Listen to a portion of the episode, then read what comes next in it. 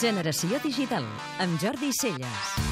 El món de la cultura en viu troba sovint al món digital un aliat inesperat per promocionar les seves activitats o fins i tot per generar nous models de negoci. En la passada edició del Festival Sonar, la qual va batre els seus propis rècords d'assistència i venda d'entrades, es van poder seguir de forma gratuïta molts dels concerts més importants a través de la xarxa. Un acord innovador entre el festival i YouTube va permetre crear el canal Sonar, a través del qual es van poder seguir les actuacions de Cornelius, The Roots, New Order, John Talabot o Richie Houghton, entre molts d'altres. Les actuacions a través del canal Sonar s'oferien en un sorprenent directe d'alta qualitat o en versió pregravada, permetent a tots aquells que no havien pogut assistir a l'espectacle en viu poder seguir les actuacions des de qualsevol de les pantalles que es poden connectar a YouTube.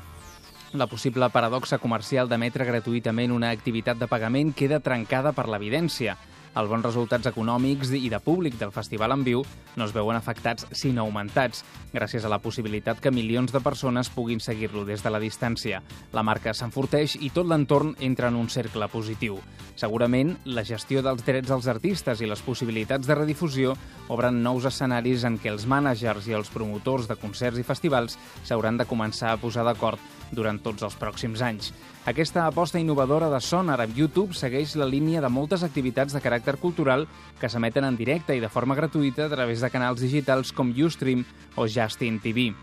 i també encaixa amb el nou model de negoci en què molts dels grans equipaments culturals mundials estan entrant cada vegada amb més força. Primer van ser els grans teatres d'òpera del món, amb una oferta de seients limitada i uns espectacles amb pressupostos altíssims que van veure com cinemes d'arreu del món estaven interessats en emetre en viu les seves representacions, fent pagar als espectadors un preu superior a l'entrada de cinema normal i aconseguint arribar a un públic sovint poc habitual a les multisales. A Catalunya se n'han fet els primers passos a través del projecte Anella Cultural Nacional i l'altre gran exemple és el National Theatre de Londres, que a través de les seves emissions en directe fa arribar les obres de teatre de més èxit a centenars de cinemes de tot el món en directe. Està clar que la cultura en viu té un valor diferencial importantíssim que li dona força i solidesa en plena revolució cultural digital. Viure un concert o una obra de teatre no es pot substituir pràcticament per res, però sí que des del punt de vista de les empreses culturals es pot fer servir per trobar nous camins de promoció i models de negoci. L'emissió en directe dels espectacles d'èxit